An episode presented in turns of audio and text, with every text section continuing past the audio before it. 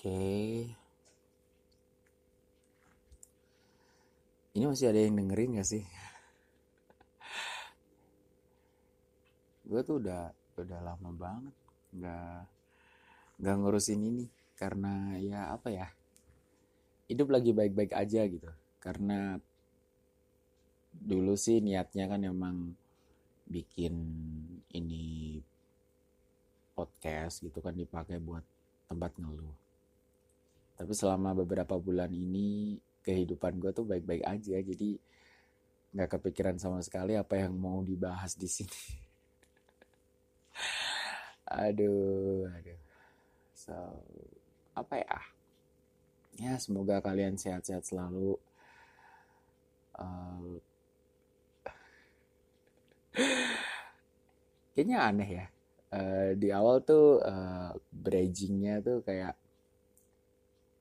pesimis gitu nggak ada yang denger tapi pakai kalimat kalian habis itu kayak. Kayak podcast lu rame aja bos gitu. Siapa tahu ada yang dengar gitu. Siapa tahu ada yang dengar dan merasa menyesal setelah itu gue juga nggak tahu. Ya anyway uh, semoga kalian sehat-sehat selalu di tengah situasi yang makin gak masuk akal ini ya di mana-mana chaos di sosial media di real life. Orang-orang jadi ya chaos beneran lah ini.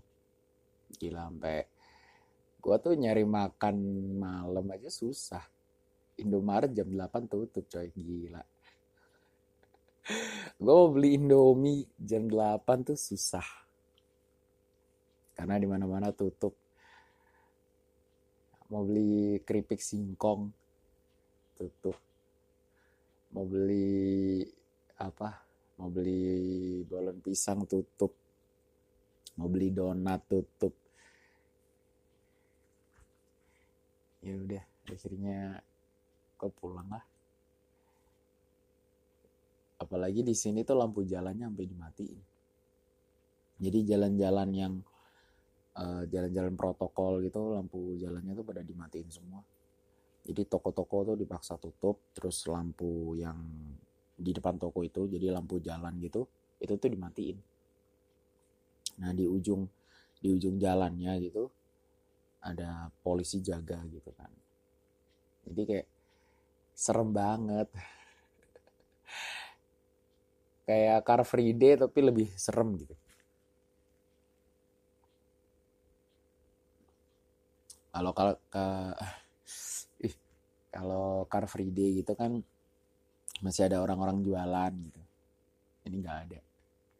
Jadi serem aja gitu bisa dipakai buat jogging mana serem aja kalau nggak ditegur disuruh push up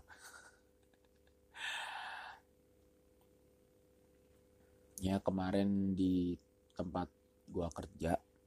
Jadi for your information di tempat gua kerja itu itu uh, sebelahnya tuh makam. Ya nggak nggak sebelahnya sih di depannya gitu kan makam. Jadi uh, tempat gua kerja terus jalan raya terus makam. Nah uh, kemarin itu ada orang yang meninggal dimakamin di situ itu tuh pakai protokol covid nah gua pribadi itu gua sendiri tuh uh, ngelihat ini tuh baru pertama kali. Karena maksudnya secara secara langsung ya secara langsung tuh gue baru melihat ini tuh pertama kali. Karena ya sebelumnya gue cuma lihat di TV atau kalau enggak di sosial media gitu kan kayak cuplikan-cuplikan video gitu. Nah ini tuh gue lihat langsung gitu gue lihatnya langsung. Dan cukup rame sih. Ramenya tuh karena uh, bukan karena orang yang uh, apa orang yang melayat gitu bukan. Tapi ramenya tuh karena orang-orang yang mau lewat yang mau lewat di situ tuh pada berhenti pada ngevideoin. Karena ya ya ini ini ini bukan apa ya bukan maksud ngetawain ngetawain tragedi ya. Tapi ya apa ya? Orang-orang kita tuh orang-orang Indonesia ini suka banget gitu ngeliat yang rame-rame. Padahal itu tuh lagi ada kondisi di mana ada orang susah gitu loh. Di situ tuh ada orang susah. Ada keluarga yang ditinggalkan di di di skenario itu ya. Bukan di skenario sih di kejadian itu di kejadian itu tuh ada orang yang meninggal gitu ada keluarga yang ditinggalkan. Itu tuh masih aja yang ngevideoin gitu demi viral. Diupload di akun Facebook mereka terus ngetek ngetekin orang. Ada yang kalau akunnya lumayan lumayan rame gitu nggak sem eh, nggak uh, sempet ngetek orang sih. Eh bukan nggak sempet nggak nggak sampai ngetek orang nggak sampai ngetek orang tuh udah udah bisa udah bisa viral gitu. Tapi kalau yang emang try hard untuk viral tuh pasti ngetek-ngetekin orang dan itu emang ya mengganggu sih yang kayak gitu. Apalagi uh, eh, gue seringnya di tag uh, ada video orang kecelakaan kayak gitu-gitu. Aduh kasihan kasihan keluarganya. Maksudnya ada ya kalau nggak keluarganya tuh lihat gitu maksudnya anaknya di videoin kayak gini-gini kondisi anaknya. Cuman buat buat apa ya? Maksud gue kan itu apalagi nyalahin rules di sosial media itu kalau eh, nggak uh, boleh ada kekerasan terus ada yang berdarah-darah gitu kan nggak boleh. Tapi ya orang-orang tuh nggak peduli yang kayak gitu tuh yang penting ya udah yang penting gue terkenal gitu. Jadi center attention meskipun sesaat lah ya orang-orang yang kayak gitu tuh biasanya langsung gue unfriend sih. Langsung gue unfriend kalau di Facebook atau gue unfollow kalau di Twitter. Apa ya kasihan gitu kasihan sama keluarganya gitu. Ngebayangin ngebayangin kalau itu tuh uh, orang-orang terdekat gue gitu. Entah teman entah keluarga gitu terus sampai yang di videoin. Dan kalau udah di videoin gitu apalagi kejadiannya uh, kejadiannya tuh terkenal gitu kejadian yang terkenal tuh pasti ngebekas gitu dan ada kemungkinan suatu saat itu tuh di up lagi gitu di repost atau di retweet lagi gitu dan itu bikin keluarganya tuh inget gitu. kayak aduh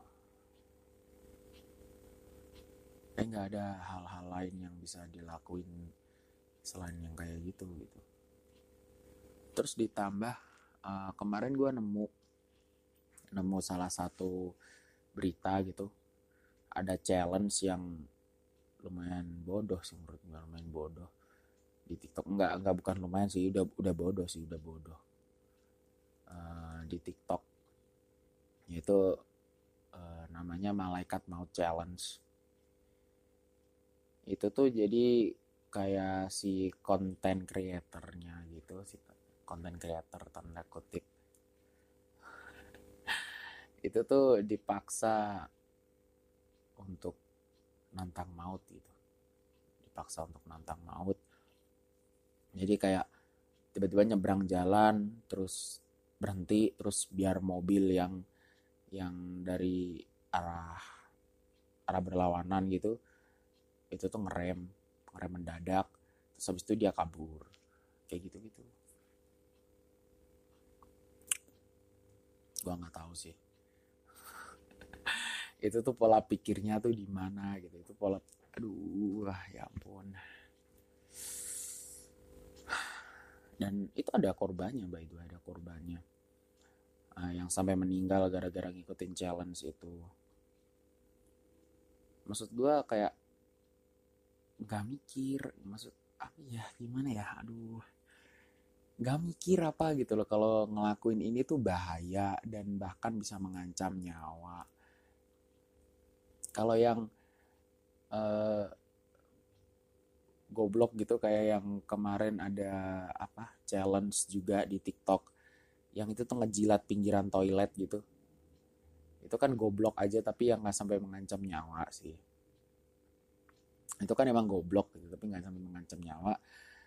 Itu aja menurut gue udah aduh ini ngapain sih orang-orang? Kayak kayak gak ada kegiatan lain gitu loh. Padahal masih banyak gitu kegiatan yang bisa lo lakuin hal-hal produktif yang bisa lo lakuin selain ngelakuin hal itu gitu loh.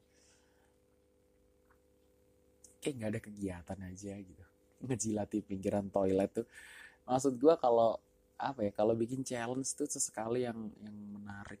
Maksudnya menarik dan dan apa ya dan bermanfaat gitu. Kayak nggak usah ngejilat pinggiran toilet gitu tiba-tiba ngebersihin toilet umum. Kayak gitu gitu kan bermanfaat. Mending ya atau challenge memungut sampah atau apalah gitu. Tapi kayaknya orang-orang nggak bakal tertarik sih kalau ada challenge kayak gitu nggak bakal tertarik dan herannya tuh justru yang tertariknya tuh justru yang kayak gitu. Ngejilat toilet dan berhenti mendadak pada saat ada kendaraan ngelaju kencang. Aduh heran deh. Ya kita tuh udah lumayan stres. Nggak lumayan lagi sih udah stres dengan kondisi ppkm psbb dan abjad empat huruf yang lain. Yang nggak tahu bentar lagi jadi apalah. Kita tuh udah lumayan pusing gitu. Udah berapa ya? Udah dua tahun ya. Udah dua tahun kayak gini. Nggak makin menurun. Nggak ada perkembangan yang signifikan padahal udah ada vaksin. Kayak dikiranya tuh vaksin tuh jadi titik balik buat ngelawan ini pandemi gitu. Tapi ternyata enggak masih korbannya tuh masih tinggi. Apalagi ada varian baru lah astaga. Jadi stop lah gitu. Maksudnya stop untuk membuat kebodohan-kebodohan yang lain yang apa kayak gitu. Kayak mendingan lu bermanfaat buat orang-orang sekitar. Atau kalau enggak lu mancing kayak bikin video mancing kayak gitu diupload ke YouTube gitu kan lebih lebih ada manfaatnya gitu daripada harus ngelakuin hal-hal yang kayak gitu. Belum lagi uh, belum lagi itu ternyata mengancam nyawa kayak gitu gitu aduh. Gak usah lah. Dan apa ya sebagai orang yang tahu gitu tahu soal hal itu ya ini apa ya sarannya sih kalau misal ada challenge gitu yang challenge yang baru mulai gitu. Ada challenge yang baru dikit gitu atau mungkin baru ditemukan oleh temen yang lu follow. Kalau itu lo ngerasa aduh ini goblok nih challenge gitu. Ya nggak usah disebar luaskan gitu. Nggak usah disebar luaskan cukup cukup biar di situ aja gitu cukup biar di situ aja. Karena apa ya hal-hal kayak gitu tuh aduh nggak penting. Kita tuh udah udah banyak dijejali berita-berita yang nggak penting. Belum lagi ada berita yang kayak gitu. Ini makin aduh. Ya karena orang-orang kebelet viral sih kayak viral tuh bisa jadi sebuah prestasi gitu. Sebuah prestasi ya meskipun cuma sesaat sih meskipun cuma sesaat tapi ya bisa jadi sebuah prestasi. Karena ya sekarang TV juga ngundangnya orang yang viral. Gimana dong? Viral tuh bisa ngasilin duit kalau udah sampai masuk TV ya meskipun itu hal-hal yang bodoh lah gitu. Tapi kalau udah sampai masuk TV berarti itu menghasilkan gitu dan orang-orang tuh rata-rata goalsnya tuh sampai pengennya tuh masuk TV sampai bisa dapat duit gitu dari dari hasil viral. Aneh-aneh aja orang-orang.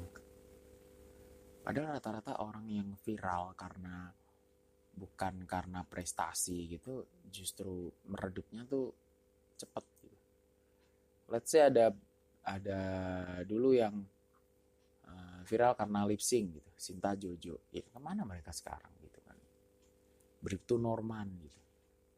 Bripto Norman harusnya udah jadi polisi gitu mungkin pangkatnya udah gede sekarang tapi dia memutuskan untuk ya ya udahlah ke dunia entertainment gitu meskipun gak ada yang tahu dia siapa gitu cuman berawal dari modal video lip sync kan terus yang baru banget Ade Londok Mang Ade Londok ya.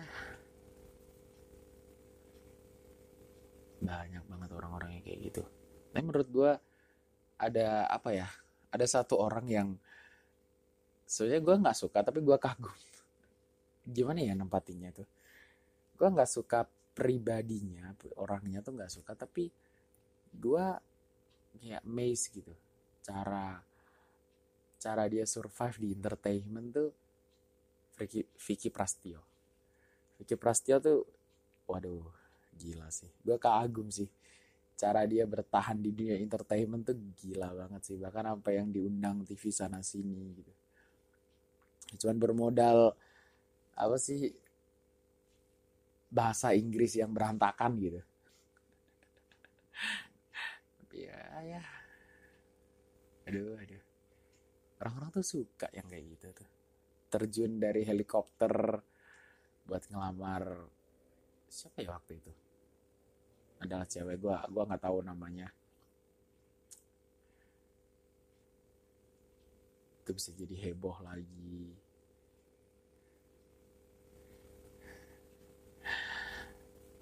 Dan apa ya? Akhirnya karena karena hal-hal yang kayak gitu. Ditambahkan sekarang udah chaos banget gitu di real life chaos. Ya bukan bukan di di kehidupan guanya tapi ya kayak di real life di sekitar gua tuh chaos. Terus uh, di sosial media juga. Orang-orang jadi gampang berantem. Padahal ya enakan damai. Enakan damai dah serius orang yang perang aja pengen damai. Karena ya gue uh, apa ya gue baru aja nonton film. Karena menghindari hal-hal kayak gitu. Menghindari hal-hal yang yang kayak tadi gitu kayak berita-berita bodoh gitu terus uh, di sosial media orang-orang gampang berantem gitu. Gue jadi jadi melarikan diri gitu dalam tanda kutip melarikan diri gue nonton film. Dan uh, film yang gue tonton itu tentang film eh tentang film tentang kejadian perang dunia. Perang dunia pertama. Gue gue tertarik kan gitu gue tertarik uh, judulnya tuh 1917 1917 ini uh, menceritakan soal dua orang gitu dua orang yang disuruh untuk nerobos barisan pertahanan musuh. Jadi kayak tugas yang mustahil lah sebenarnya gitu, tugas yang mustahil tapi ya seru gitu filmnya tuh seru. Uh, sebenarnya yang bikin gue tertarik tuh bukan dari soal dramanya, maksudnya dari storyline-nya yang diumbui drama terus atau dari pemainnya yang gue suka. Tapi gue lebih tertarik karena apa ya situasi gitu. Settingnya tuh bikin gue tertarik. Karena gue belum tahu banyak kan soal perang dunia pertama. Gue belum tahu banyak soal perang dunia pertama jadi uh, eh, gue memutuskan buat cari uh, referensi soal perang dunia pertama. Karena menarik gitu menarik waktu itu tuh. Yang gue tonton tuh kayak dua orang ini dua orang ada di film ini kayak jalan gitu menyusuri parit kayak panjang banget gitu paritnya tuh. Jadi ternyata emang di perang dunia itu para tentara tuh menggali parit gitu parit-parit yang bias, bisa dipakai buat uh, jadi benteng pertahanan gitu. Jadi garis-garis pertahanan gitu. Dan suasana yang ada di film itu tuh bikin merinding tapi seru gitu kalau nonton tuh. Jadi merindingnya tuh dalam artian bukan serem atau apa gitu tapi kayak penggambaran situasinya tuh kita hidup di parit selama beberapa tahun dengan satu buah seragam yang kita pakai selama beberapa tahun juga dengan kondisi parit yang lembab, becek, banyak tikus, belum lagi banyak mayat-mayat yang bergelimpangan gitu ya dari korban perang dari binatang-binatang yang jadi korban perang juga. Jadi bener-bener kayak wow gila. Sangat tidak higienis. Sangat jauh dari kata higienis gila. Terus akhirnya gue cari cari tahu kan. Gue cari tahu gue baca-baca terus uh, pada akhirnya gue memutuskan buat download dokumenter. Karena ya itu tadi gue gue pengennya nonton film tapi gue tetap pengen tahu uh, dari perang dunia pertamanya itu gitu. makanya gue mutusin buat download dokumenternya judulnya uh, They Shall Not Grow Old kalau nggak salah. Itu gue download itu terus um, gue tonton. Gue tonton dan apa ya? Seru sih. Serunya tuh karena uh, narator gitu. Narator dari dokumenter itu kan orang-orang yang yang ikut pada perang dunia pertama gitu dan kebanyakan mereka ini kompak dalam satu hal yaitu pada waktu mau berangkat perang, mereka tuh gak ngebayangin kondisi perangnya sama sekali. Jadi yang mereka pikirin tuh cuman mereka mau ngebunuh Jerman, mau ngebunuh orang-orang Jerman gitu aja. Jadi mereka kayak, oh kita perang nih, kita besok kondisinya perang. Ya udah, ayo mau ikutan gak gitu. Mau mau mau. Berangkat udah gitu. Jadi nggak ada yang mikir kalau perang itu bakal semengerikan itu bahkan ada beberapa di antara narator tuh yang uh, menipu dokumen gitu menipu dokumen cuman buat ikut perang jadi ada yang usianya 16 ngaku 18 ada yang usianya 15 ngaku 19 jadi banyak lah mereka kan datang dari berbagai golongan juga. Ada yang tukang koran ada yang uh, apa ya kayak kuli panggul gitu kayak kuli panggul di pasar gitu katakanlah. Terus uh, ada yang pemadam kebakaran ada yang akuntan. Jadi mereka datang dari berbagai golongan gitu cuman buat ikut perang gitu. Mereka daftar jadi jadi bala bantuan buat tentara. Terus ada ada satu hal yang menarik sih ada satu hal yang menarik di mana ada satu narator yang bilang pada saat perang gitu pada saat kondisi perang itu kalau mau sepatu boot yang dia pakai itu uh, agak nyaman gitu agak lemes gitu kan kan keras gitu kan. Kalau mau dibikin agak lemes tuh dia harus kencing kencing di sepatu bootnya itu terus didiemin semalaman. Jadi jadi bisa dibilang gimana kayak apa ya higienis tuh belum ditemukan di situ gitu. Dari makanan juga wow gila. Bahkan dari sanitasi. Jadi kayak mereka berak tuh cuman dari apa ya kayak ada papan gitu terus mereka berak. Berak pejajar gitu. Ya mereka seneng aja karena yang dipikir cuman di sini nggak ada perempuan gitu. Kita semua laki-laki gitu. Ya udah berak-berak aja gitu.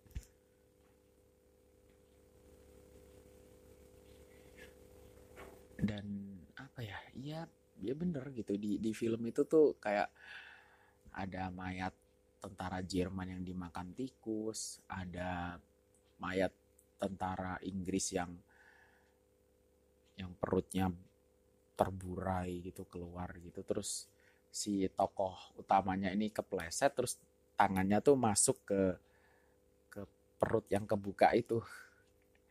Jadi kayak ngaduk-ngaduk gitu. Wow gila gak sih? Itu kondisi perangnya aja semengerikan itu gitu. Gue gue yang nonton itu aja kebayang gimana gimana kalau sampai uh, Indonesia ini ada di situasi perang gitu malah justru kadang gue bingung gitu orang-orang yang yang pengen kalau kita perang gitu. Ayo Indonesia perang aja dengan negara ini. Ayo Indonesia kita bisa ngelawan negara ini. Kita bersatu kita bla bla bla bla gitu. Waduh. Kayak gue ngebayangin aja waduh. Ada yang protes ke pemerintah kalau kenapa pemerintah tidak bisa ambil ambil opsi buat perang aja lawan negara ini? Gitu kita rakyat akan bersatu membantu. Ya oke okay, gitu ya oke okay, kalian bisa bersatu membantu. Tapi apa ya emang menyatukan kepala sekian ratus juta orang itu bakalan semudah itu? Itu satu. Terus dua eh, orang-orang yang kalian suruh buat deklarasiin perang itu tuh nggak bakal turun ke medan perang kayak kita kita nyuruh nyuruh uh, let's say presiden gitu. Let's say presiden menyatakan perang terhadap negara ini gitu. Ya presidennya tuh nggak turun ke medan perang gitu loh. Yang turun siapa? Tentara. Kalau tentara udah turun pasti minta bantuannya ke rakyat sipil yang dirasa mampu. Kalau yang dirasa tidak mampu kayak perempuan dan anak-anak bisa jadi korban jadi apa ya? Ya dipikir lebih jauh gitu kasarnya tuh. Kalau ngomong tuh dipikir lebih jauh. Kayak kebayang gak sih kayak situasi di mana uh, malam hening gitu tiba-tiba ada suara bom atau ada suara pesawat yang lewat gitu dan lo tahu kalau itu bunyi pesawat yang bukan dari negara lo kayak langsung wang wang wang wang gitu di atas kepala lo terus tiba-tiba ada kepulan asap yang lo bisa lihat ada jarak 2-3 kilo gitu. Nggak enak gitu. Belum lagi kalau misal lo lagi tidur gitu terus tiba-tiba dievakuasi. Iya kalau yang evakuasi dari tentara tentara negara kita gitu. Ya nggak apa-apa tapi kalau yang evakuasi dari tentara musuh gitu, ya mungkin dievakuasi. Kalau kalau dia menganut prinsip perang yang baik ya dievakuasi si rakyat sipil. Tapi kalau jatuhnya taktik dari seorang diktator kejam kayak Hitler, ya lu dibantai di tempat gitu. Makanya nggak enak gitu nggak usah lah kayak kita perang-perang gitu. Nggak usah lah damai aja. Masih banyak kok hal-hal yang bisa dilakuin daripada mikirin soal perang. Ya ya nanam apa kek gitu. Dunia tuh lebih butuh pohon daripada butuh peperangan. Ya kita udah cukup dengan sejarah berdarah gitu. Banyak banget perang yang dilakuin. Di Indonesia aja ada berapa ratus perang yang dilakuin belum lagi di negara lain dan konflik-konflik yang sampai sekarang masih berlanjut kayak Israel Palestina. Jadi ya udahlah cukup lah gitu. Nggak usah dilanjut.